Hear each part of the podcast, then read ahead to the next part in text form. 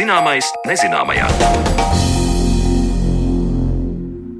Esiet sveicināti raidījumā zināmais nezināmajā. Ar jums kopā esmu Sandra Kropa, un šodien raidījumu esam veltījuši dod pieci labdarības akcijai, kas šoreiz uzmanību vērš Ukrāņu bērnu virzienā.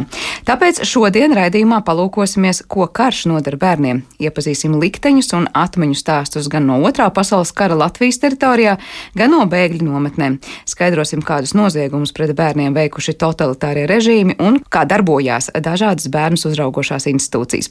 Taču pirms tam Zanelāts Baltāls Alksne mūs iepazīstinās ar atmiņām un stāstiem no bērnības bēgļu nometnēs Vācijā pēc otrā pasaules kara. Tā braukšana pa nometnēm vecākiem bija šausmīgi grūta, bet kā bērniem mums nekāda bēda nebija. Tagad visi runā par emocionālām traumām. Teiksim, kad nogalina vienu cilvēku, tas ir šausmīgi, bet kad visi kopā vienā vietā, kā saka, tu esi vienā laivā, tad kaut kā tu izdzīvo bez lielām traumām. Tā skan viens no toreizējo latviešu bēgļu bērnu atmiņām, kas apkopots muzeja Latviešu pasaulē krājumā. Cik ļoti tolaik bērni apjauta palikšanu bez dzimtenes un kā uztvēra dzīvi nometnēs, par to manas kolēģis saruna ar bijušajiem latviešu bēgļiem un muzeja Latviešu pasaulē vadītāju Marianu Auliciemu. Vai bērna acīm skatot, viss šķiet vieglāks un krāsaināks, vai arī bērni spēja ieraudzīt labo arī visdrūmākajās situācijās? To jautāju pati sev, gatavojot šo sižetu par latviešu bērnu atmiņām Vācijas bēgļu nometnēs Otrā pasaules kara beigās nepietiekama pārtika, trūcīgi dzīves apstākļi, taču mēs bijām latviešu vidū, mēs mācījāmies latviešu skolā, iesaistījāmies skautu vai gaidu kustībā, un mums apkārt bija draugi. Tie ir pieturas punkti bēgļu bērnu atmiņu stāstos, kurus pirms 15 gadiem sāka apkopot muzeja un pētniecības centra Latviešu pasaulē vadītāja Marijana Auliciema tieši skatoties no bērna acīm, intervijās parādās īstenībā diezgan.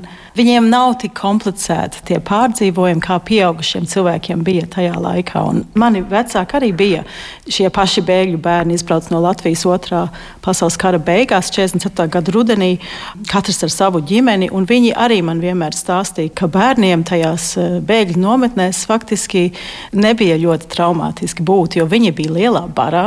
Nometnē tu izēji pa savām durvīm, un tev ir draugi priekšā, un viņi tev visu dienu ir blakām. Tas īstenībā bija bērnam ne tik traumatiski kā pieaugušiem.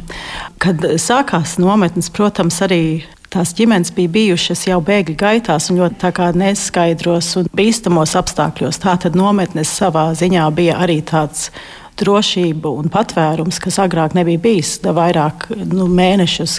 Bija cilvēki ļoti lielā neziņā par to, kur viņi dzīvos un kas viņiem notiks. Tātad nometnes savā ziņā bija drošība. Tātad bērni atcerās, ka viņi jau gāja skolā nometnē.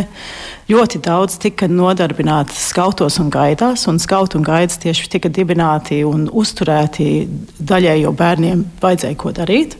Un mana mamma, piemēram, pie guntiņa. Viņa vienmēr stāstīja, ka viņa, nu, viņa nebija tāds izskautu, tāds eh, skautu cilvēks, bet viņa bija guntiņa. Un viņa ļoti emocionāli vienmēr stāstīja, viņa atcerās, ka viņu iesvētīja tajās guntiņās, ka viņiem bija saulēktā.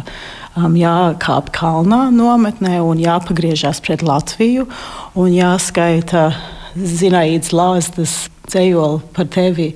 Latvija iet visas mūsu domas. Un, e, es domāju, ka tur arī bija tā nacionālā audzināšana ļoti spēcīga. Protams, ka tēvzeme ir zaudēta. Nezināja tajā brīdī, vai brauks mājās, vai būs jābrauc prom uz visiem laikiem. Tā tad bērnos arī ieaudzināja to latvisko un to patriotismu. Rita Sīle nometnē nonāca sešu gadu vecumā.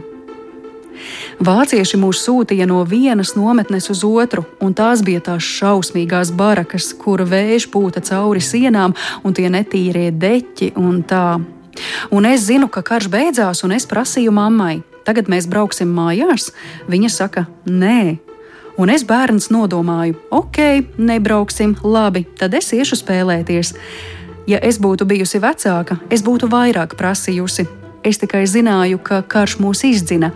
Redz, tā bērna domāšana ir tāda: karš beidzas, un mēs braucam atpakaļ. Tā braukšana bija vecākiem šausmīgi grūta, tagad es to saprotu, bet kā bērniem mums nekāda bēda nebija.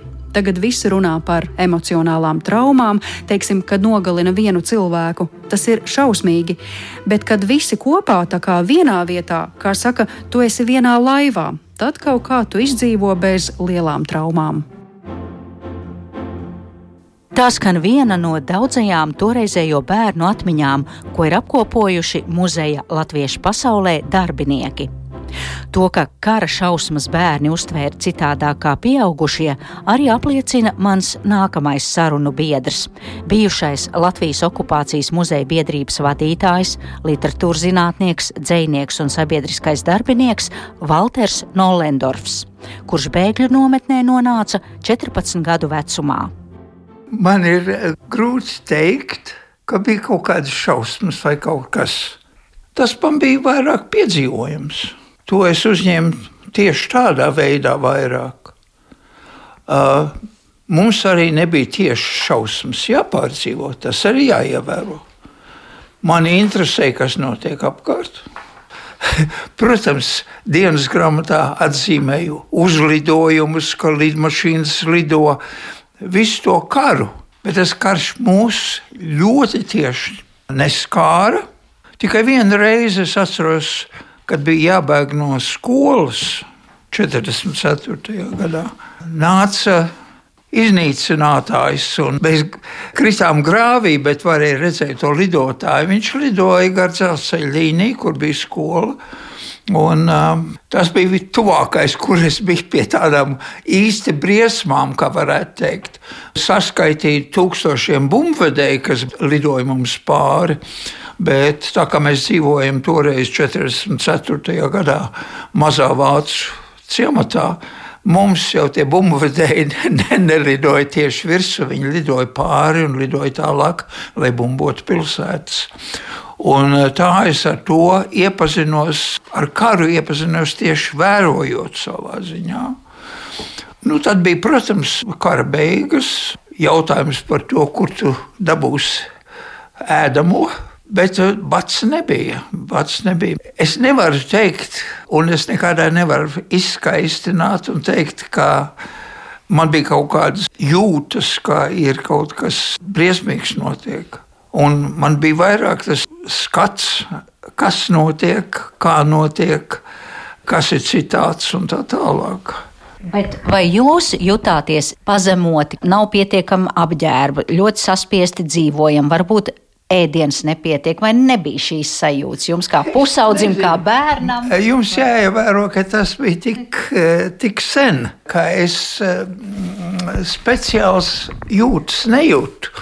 Jūtu, ka ir nērtības, ka ir grūtības, ka nav viss tas, kas būtu vajadzīgs, bet mēs nonācām nometnē, Latviešu vidē, Latviešu skolā, nebija mācību grāmatu pirmo gadu, vai arī otrā gadā bija viss jāraksta no piezīmēm, jāmācās no piezīmēm. Tās bija grūtības, bet nu, tās pārvarēja. Es tā nevaru atcerēties, ka man būtu bijuši kaut kāds speciāls uh, jūtas. Nu, ir, ir grūti, bet ir jātiek galā.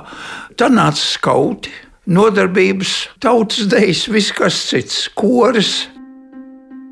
Un ja jūs dzirdētu manas mammas stāstu, tas būtu pavisam citāds. Bet tā rūpe nebija mana primārā rūpe, jo vecāki gādāja par saviem bērniem dažādos veidos, lai viņiem nebūtu jāiztiek tikai ar to, kas bija pieejams nometnē. To, ka galveno smagumu bēgļu nometnēs iznesa vecāki, arī apliecina muzeja latviešu pasaulē vadītāja Marijana Auliciema. Cik ļoti runājot jūs ar saviem vecākiem un intervējot citus latviešus, kā viņi toreiz bērni būdam, vai viņi saprata, mēs esam zaudējuši Latviju, Latvija tā ir tā dzimtene, kā viņi izjūt, ka viņi vairs nav dzimtenē? Es domāju, protams, ka bērni to varbūt nesaprata un neizjūt tik ļoti kā pieauguši cilvēki, bet viņi jau arī varēja redzēt, kā vecāki to pārdzīvo. Un sākumā jau cerēja, ka brauks mājās trīs, neizbrauc uz bēgļu nometnēm, domādam, ka viņi tagad nekādā kalnā nebūs mājās mājās. Bet, uh, bija tā cerība, ka brauks mājās. Mans tēvs arī atcerās, ka viņam bija pieci gadi, kad viņš izbrauca no Latvijas, un kad viņi izbrauca no mājām. Mamma apakoja visu un bērnus uzlika uz ratiem, un tad viņi brauca uz liepāju, uz ostu.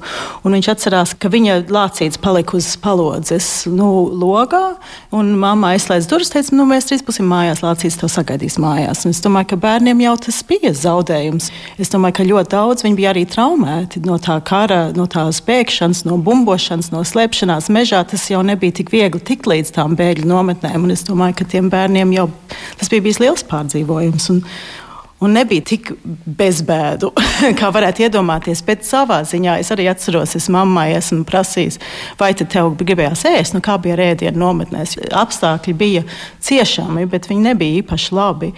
Um, vai viņai gribējās ēst? Viņa saka, nē, viņa neatcerās, ka viņa bija izsalkusi. Un īstenībā lielākā daļa cilvēku, ar ko es esmu runājuši, kur bija bērni, neatcerās kaut kādu izsalkumu. Tad es prasīju manas vecmāmiņas māsai, kur bija pieaugusi tajā laikā. Viņa teica, nu, protams, ka bērni neatcerās, ka viņi būtu bijuši izsalkuši, jo mēs jau visu atdevām tiem bērniem. Bet viņiem pašiem nu, tie bērni to tik smagi, man liekas, vai nu nesaprata, vai arī neustvēra. Silvija Petersone izceļoja no Latvijas 13 gadu vecumā 1944. gadā. Mēs dzīvojām barakās Oldenburgā. Vai jums bija kāds kontakts ar jūsu brālīti šajā laikā? Nē, nezinājām, vai viņš ir dzīves vai miris. Es pat neatceros, kad mums bija tas pirmais kontakts ar viņu. Tajos apstākļos tādas cilvēcīgas emocijas nemaz neeksistēja. Cilvēks katrs domāja par sevi, un kur es kaut ko varu noķert vai nozagt, vai iest, un kur ir ūdens, pat nedomā, kur tu šonakt galvu liksi. Tad nonācām Oldenburgas nometnē. Mēs gājām un kādam vācu zemniekam no sakņu dārza burkānus vilkām no zemes ārā. Arī ābolus mēs labi sazagāmies, ābolus, varbūt bumbierus ar. Puikas palīdzēja kāpt pāri pār sētu. Mēs tur tāds labs pulciņš, jauni bērni.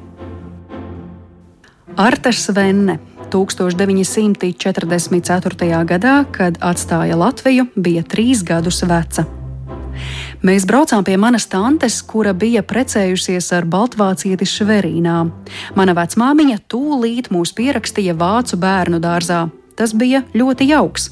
Mans brālītis gan negribēja tur palikt. Kad mamma gāja projām, viņš skrēja viņai pakaļ, tā ka viņu veda mājās atpakaļ.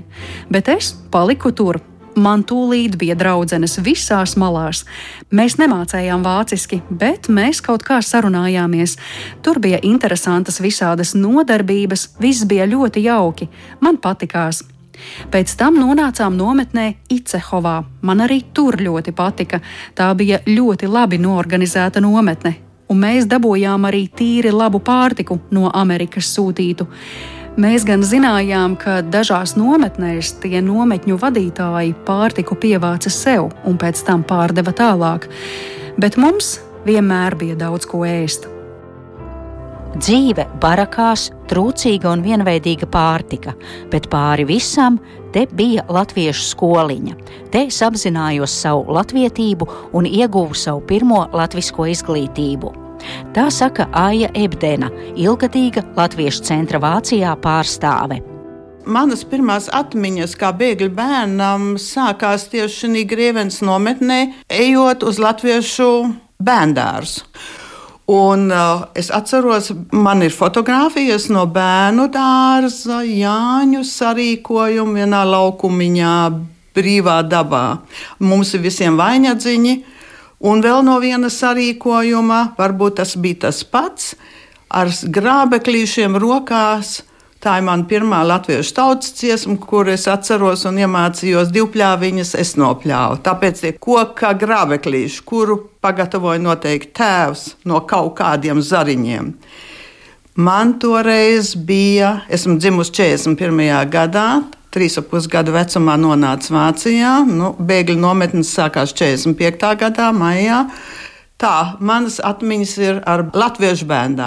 Četrās nometnēs esmu dzīvojusi, 16 gadus kopā saskaitot, un tanīs nometnītēs, jeb nometnēs, ir bijusi latviešu skola. Skarbas lietas atcerēties mums bērniem noteikti izgaisa, izgaisa drīzāk.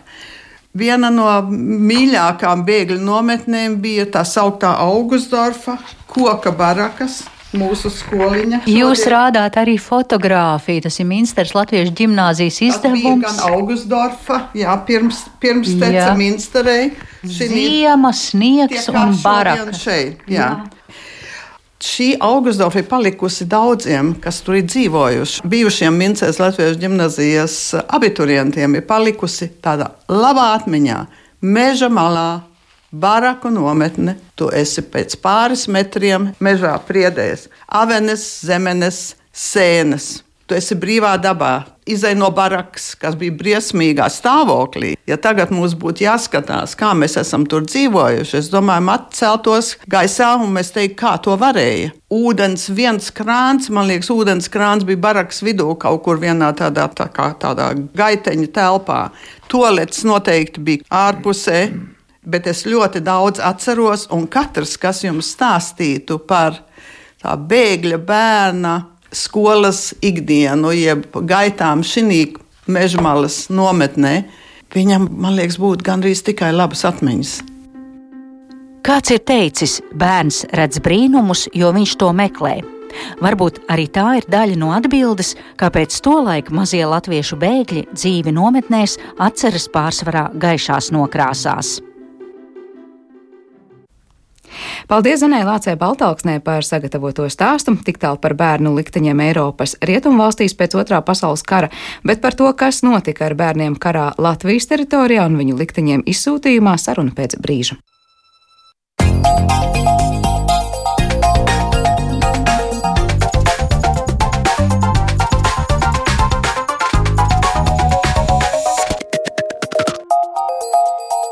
Zināmais nezināmajā. Karš Ukrainā visos tās aspektos ir bijis šausmīgs un prātam neaptverams, taču kā ikvienā karā visbezpalīdzīgākie un trauslākie ir bērni. Bēgļi, bāreņi, izvestie, pazudušie un mirušie. Šis gads ir atstājis traģisku zīmi visā Eiropas vēsturē, un šo sāpju uz saviem pleciem vismagāk nes bērni. Turmākajās minūtēs mēs paspērsim dažus soļus senākā vēsturē un skaidrosim, kurš starp Kaujām, varas maiņām, deportācijām un genocīdiem Otrajā pasaules karā palika bērni. Kādi bija viņu likteņi, par to uz sarunu esam aicinājuši Jāni Riekstiņu. Labdien! Labdien! Jūs esat gan vēsturnieks, gan vairāk šim tematam veltītu grāmatu autors. Pirms mēs pievēršamies tam, kā jūs esat pētījis šo jautājumu vairākās savās grāmatās, kāda ir jūsu sajūta par šo gadu un tas, kas ir noticis un notiek Ukrainā, tieši saistībā arī mēs, protams, daudz dzirdējām par bērniem, kas tika aizvest uz Krieviju, vai jūs ar citādu kaut kādu emocionālu nokrāsu dzirdat to, kas ziņās izskan? Es gribēju teikt tā. Ka savā grāmatiņā šeit mums priekšā ir piecas, kuras es esmu rakstījis par dažādu laika Latvijas bāriņiem. Tā ir pagātne. Tā ir pagātne, kuru, kuru izpēte būs atkarīga no mums pašiem, dokumentiem, atmiņām un tā tālāk. Bet tā ir pagātne, tā ir sena pagātne. Tā, nu kā ir bijis, tā ir bijis, tur neko izmainīt vairs nevar. Kas attiecas uz Ukrajinu, šis slepkavnieciskais karš ir pašā, pašā, nu, es negribu teikt, pilnbriedā, bet tas ir tādā procesā. Nu, es jau arī skatos tur ziņās, cik tur bērniņi gājuši bojā, cik tur pazuduši un tā tālāk, bet tas nav ne sākums, ne beigas. Bet es gribu teikt, ka es vienkārši nevaru tādas ziņas ne īsti skatīties, ne klausīties. Jo es iedomājos, kas tur notiek ar tām izpostītām ģimenēm, apraktām ģimenēm, grūvešos, aizbraukušām ģimenēm, iznīcinātām ģimenēm, un kurām paliek bērni. Es varētu teikt, ka es diezgan labi zinu, kāds ir stāvoklis, ja bērns paliek piemēram bez vecākiem. Tā ir jūsu paša pieredze. Es saprotu, jums bija patiesībā arī liktenis tāds, ka jūs nonācāt tā laika bērnamos. Jā, un tāpēc varbūt arī es pie šīs tēmas jau nu, daudzus, daudzus gadus strādāju, jo es nokļuvu Naukšana bērnamā, kas bija viens no labākajiem Latvijas laika bērnu namiem. Viņus sauca par patversmēm. Un es zinu, ko nozīmē e, cilvēkam palikt vienam, bez vecākiem, bez vecmāmiņām, vectētiņām un vecētiņām un tā tālāk. Tā kā mani tie pētījumi, kas ir tapuši vēlākos gados, tie ir kaut kur izējot no tā, kas man pašam, ko man nācās, ar ko man nācās sastapties. Ja drīkst vecāt, kādā vecumā jūs nonācāt bērnam? Es nonācu desmit gadu vecumā. Par tiem labajiem bērniem un netik labajiem bērniem runājot, arī jūsu grāmatās, no viena grāmata gan ir veltīta mazliet konkrētam laika posmam, kas ir 37. un 39. gads, kas ir Staļina lielā terora laiks. Tur ir minēti ļoti slikti apstākļi, kādi bija bērnamos Krievijā, kur nonāca bērni un kādos apstākļos šie bērni dzīvoja. Vai tas ir kaut kas pilnīgi atšķirīgs, kas raksturoja tikai Krieviju vai ārpus citās vietās Redziet, un laikos? Tas bija daudz labāk. Uz galda priekšā ir divas grāmatas. Viena no tām ir saucās Bolševiku terora bāriņi 1918. 38. Tas ir tas briesmīgais lielā terora un ne tikai laiks, kā šos cilvēkus izklepakavoja. Mātes aizsūtīja uz gulaga nometnēm, bērnus aizsūtīja uz bērnu namiem, pārkrievoja, atņēma tautību, atņēma Pat vārdus saprotu. Samainīja, jā, tāpēc viņš prot. Šī ir viena. Pretstatā tam, par ko es ļoti lepojos, savā laikā es uzrakstīju šādu grāmatiņu. Viņa sa saules dzīves pabērniem. Tas ir uh, par bāriņu aprūpi Latvijā. Starpkaru periodā un otrā pasaules kara laikā. Šeit ir pilnīgi pretējais, un es ar to ļoti lepojos, kā mūsu cilvēki, latvieši, latviešu dažādu iestāžu darbinieki izveidoja ļoti labu bāriņu aprūpes sistēmu, ko es uzskatu, kas bija viena no labākajām Eiropā. Es esmu diezgan daudz lasījis un pētījis, un mūsu šī bāriņu aprūpe bija ļoti laba. Sākam, sākums bija, kur pēc Krievijas pilsoņu kara ļoti daudz latviešu bērniņi, e, kuru vecāki bija nokļuvuši Krievijā kā bēgļi, kā rūpnīcu fabriku strādnieki un tā tālāk, kurus tur evakuēja, kuri gāja tur bojā dažādos apstākļos. Viņi bija palikuši bez vecākiem. Un Latvijas republika, Latvijas republika jau 1920. gadā sāka rūpēties, lai šos bērnus sameklētu pa visu Krieviju, kas bija ārkārtīgi grūti. Pats nedarbojās un vilcieni negāja. Un tā viņi izdomāja izveidot tādu pazudušo mm, bērnu ziņu biroju, izsludināja avīzē. Vecāki, kuri meklēja savus bērniņus, rakstīja šim birojam. Šis birojs atkal tur meklēja ziņas Krievijā, Ukrainā un tā tālāk. Un tā joprojām. Un arī mans mīļais, es tā teiktu, varētu atļauties teikt, mans mīļais naukšana bērnams, vai toreiz bērnu patvesme, veidojas tieši no šādiem bērniņiem, kurus atvedu no Krievijas. Sameklējām, tas bija naukšana, tā bija Adomala. Un tā bija spāre. Šajā grāmatiņā ir ļoti daudz skaistas bildes, Var tikai papriecāties, cik tie bērniņi arī bez vecākiem palikuši, cik viņi labi izskatās, un cik viņi labi ir apģērbti un cik viņi labi aprūpēti. Tā ir pilnīgi cita sistēma. Bet kas, jūsuprāt, bija tas, kas ļāva šo sistēmu tik atšķirīgi veidot? Ko mēs to par iepriekšējo grāmatu mēs runājam par to Krieviju. Tur bija režīms, tur bija totalitārais režīms. Staļiniskais režīms, totalitārais režīms, komunistiskais režīms, kam cilvēka vērtība neko nenozīmē. Latvijā kaut kur jau es skatījos, jau, jau sen jau pat cara laikā bija tās bērnu patversmes. Viņas, protams, bija ļoti slikti iekārtotas. Viņas varbūt audzinātāji nebija tādi īsti, nu, arī kā Krievijā, Rīgā tur un Latvijā. Bet tomēr tos bērniņus uh, kaut kur savāca un, un, un salika vienā vietā, kur viņiem iedeva ēst, kur viņus apģērba un, un tā tālāk.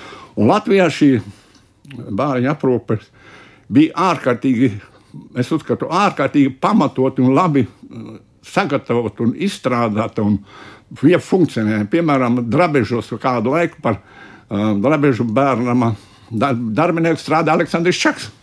Es lasīju, čaka, tur tās viņa piezīmes, kā viņš tur, tur uz Ziemassvētkiem gatavo, tur kaut kādīgas viņiem tur tā tālāk. Un tā tas turpinājās arī kara laikā. Man tā palicis no kara laika viena dokumenta prātā tāda, tāda, tāds secinājums. Nu, kara laikā jau bija ļoti grūti ar pārtiku, nu, tā ir fronte un karš un tā tālāk, bet funkcionēja visi bijušie Latvijas laika bērnu nami. Viņi visi darbojās. Protams, ka apstākļi nebija tādi kā brīvvalsts laikā, bet bērniņi bija pie vietas. Bet ar pārtiku bija grūti, un 44. gadā kāds no Rīgas varas vīriem, atbildot uz uh, bērnama direktora lūgumu, lai bērniņiem palielina pārtikas devas.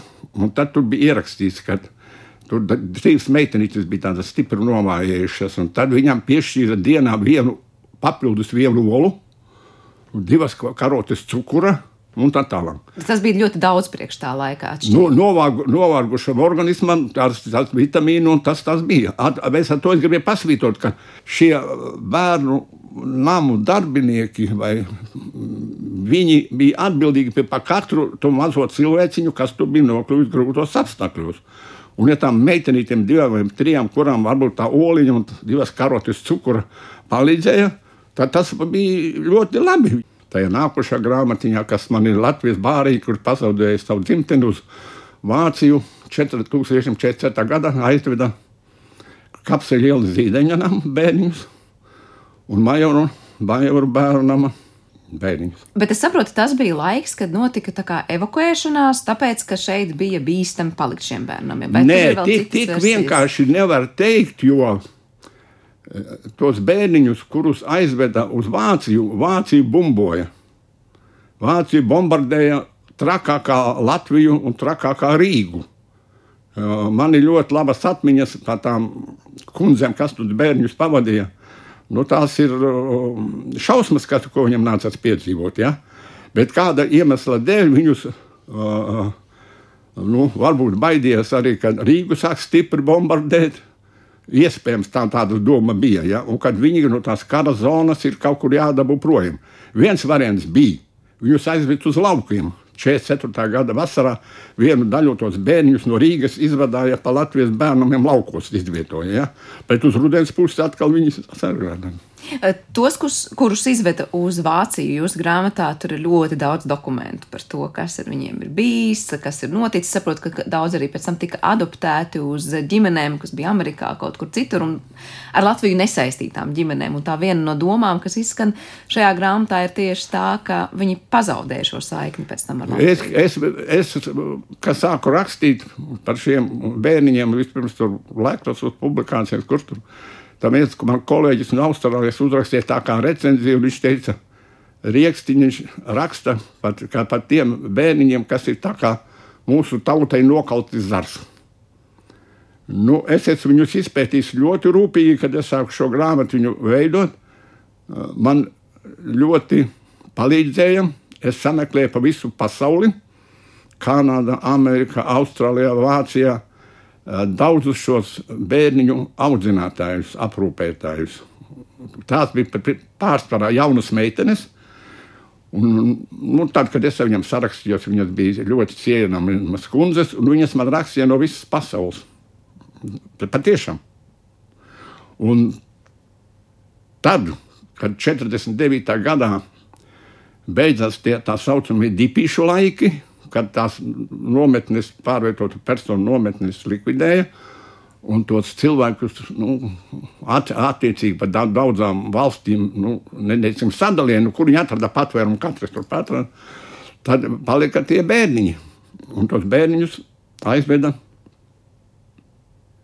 uz Ameriku. Es ļoti ilgi meklēju, kas ar viņiem notika. Viņus lielu daļu paņēma amerikāņu ģimenēs, amerikanizēja, un ļoti rets no viņiem saglabāja kaut kādīgu latvietību. Pie manis ir bijuši vairāki tie bērniņi, kas atbraukuši uz Latviju, kaut kādi uzzinājuši, ka viņi no Latvijas. Ja? Viņi nezina nevienu vārdu latviešu. Viņi ir amerikanizējušies. Ja? Un mm, daudzas arī tur adoptēja, un daudzas tur paņēma tāpat ģimenēs, nenokārtoja tur tāds.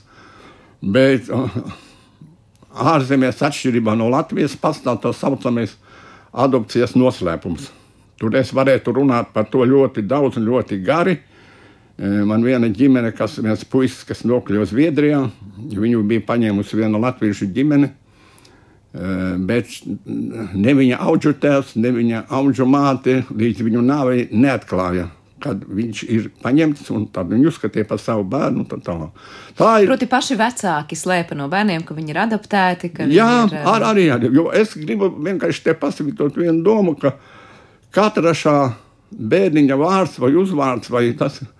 Tas ir liktenis, un tur, tur ir tik daudz problēmu, un tik daudz zināmā, un tik daudz nezināmā. Un ir bijis cilvēki, kas ļoti labprāt runāja par šīm lietām. Uh, cilvēki, kuri vispār negribēja zināt, kā piemin, ka viņš ir bērns, kā tur kautrējās un kaunījās un nu, nu, kaut kur tā, nu, nu, vai viņš ir kaut kādi drusku savādāks nekā. Nu, tas, tāpēc es ļoti, ar ļoti lielu pietāti izturos pret katru, katru vai tas būtu Sibīrijā, vai Kanādā, vai kas ir, nu, teiktu, no, no mūsējiem, nu, kas ir no, no, no, no tiem.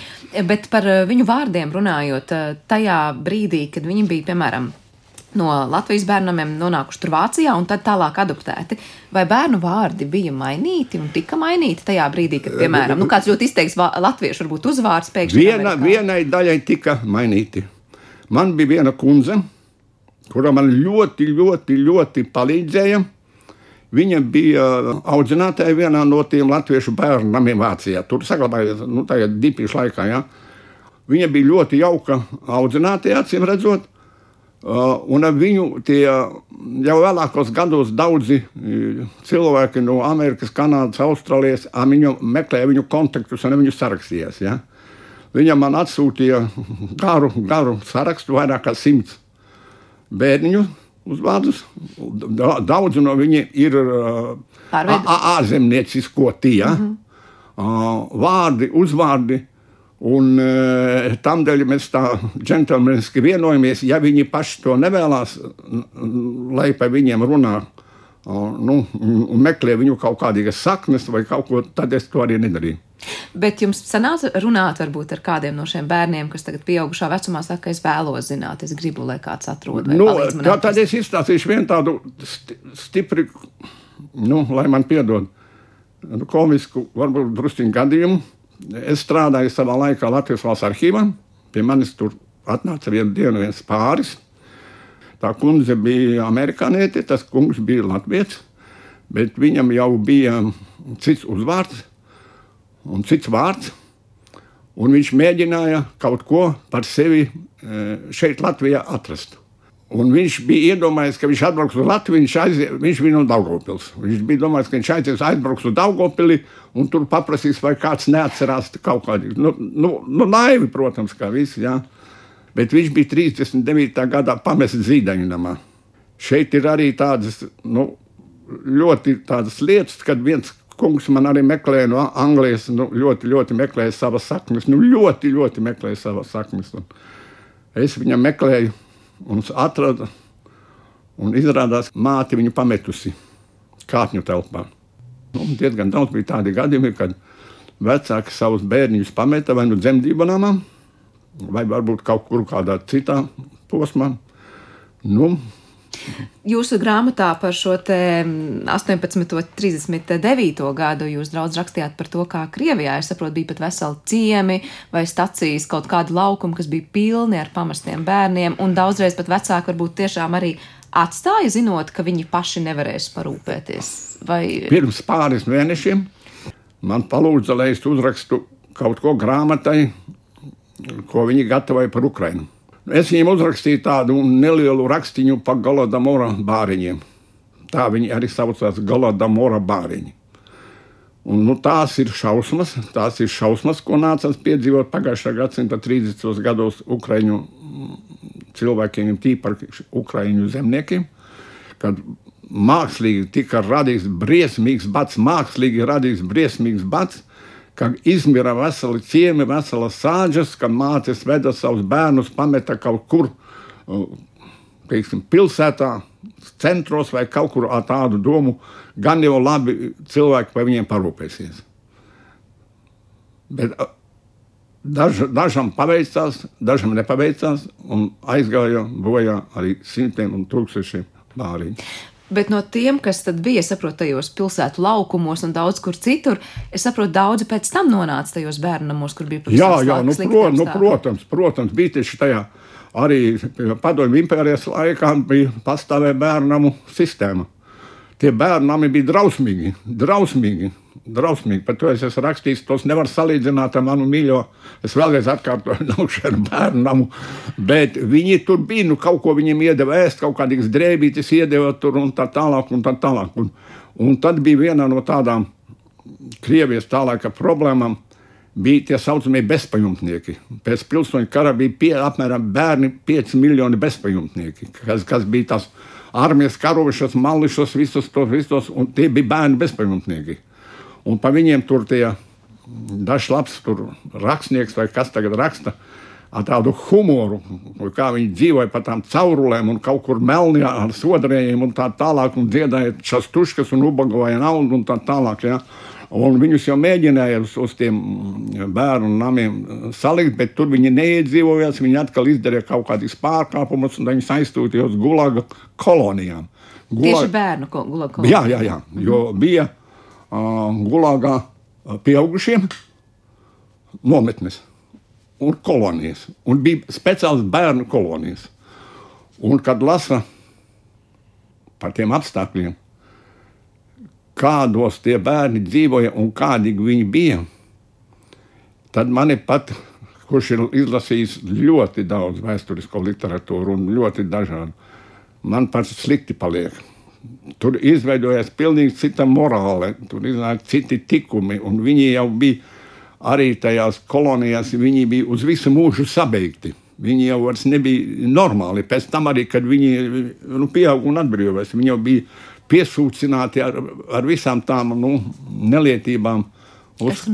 Bet kas ar viņiem notika tajā brīdī, kad viņi izauga? Piemēram, nezinu, vai tie bija 18 vai cik gadi, kad viņi tika uzskatīti par nu, pieaugušiem. Viņus vienkārši palaida, ejiet, kur gribat, vai viņus pārlika uz pieaugušo gulagu? Nu, kā, kuru, ja viņam bija kādi tur tādi nu, pārkāpumi, tad viņus, protams, tiesāja un salika par pieaugušo lēģeriem. Ja viņiem nu, nekādi tādi īpaši pārkāpumi nebija, tad viņš to savus termiņus, to 3-5 gadus atsēdēja un palaida. Un tu... Bet es saprotu, daudzi no viņiem tika uzskatīti par valsts nodevēju vai dzimtenes nodevēju bērniem, un par to var teikt, maksāja visu savu tālāk. Jā, nu, principā tā var teikt, bet ir jau redzēt, kas vēl viena lieta ir, ka Gulaks jau tikai nesastāvēja no politiskajiem ieslodzītajiem. Gulaks sastāvēja arī vismaz trešdaļa bija krimināla. Par zādībām, slepkavībām, laupīšanām, izvarošanām bija arī tas kriminālais kontingents ļoti liels. Un līdz 1948. gadam bija tās nometnes, bija kopā gan politiskie, gan uh, kriminālie, un pēc tam izveidoja 48. gadā tā saucamās sevišķās nometnes Gulagā. Sevišķās kurām bija pilnīgi cits režīms, nu, gan tā kā katorgā, un tos politiskos no tiem krimināliem nošķīra. Jūsu grāmatā arī minēts par to, kā nu, vismaz Krievijas pusē bija vēlme radīt eh, tādu nezinu, vai sistēmu vai, vai kā, kā pilnīgi nu, kategoriju, kā valsts bērni, proti šie paši bērni, kas ir nonākuši šajās nu, drausmīgajos un briesmīgajos apstākļos. Pēc tam tiek eh, nu, speciāli padarīti tieši tāpēc ar citu vārdu, ar iespēju nesatikt savus un meklēt vispār savus tuviniekus.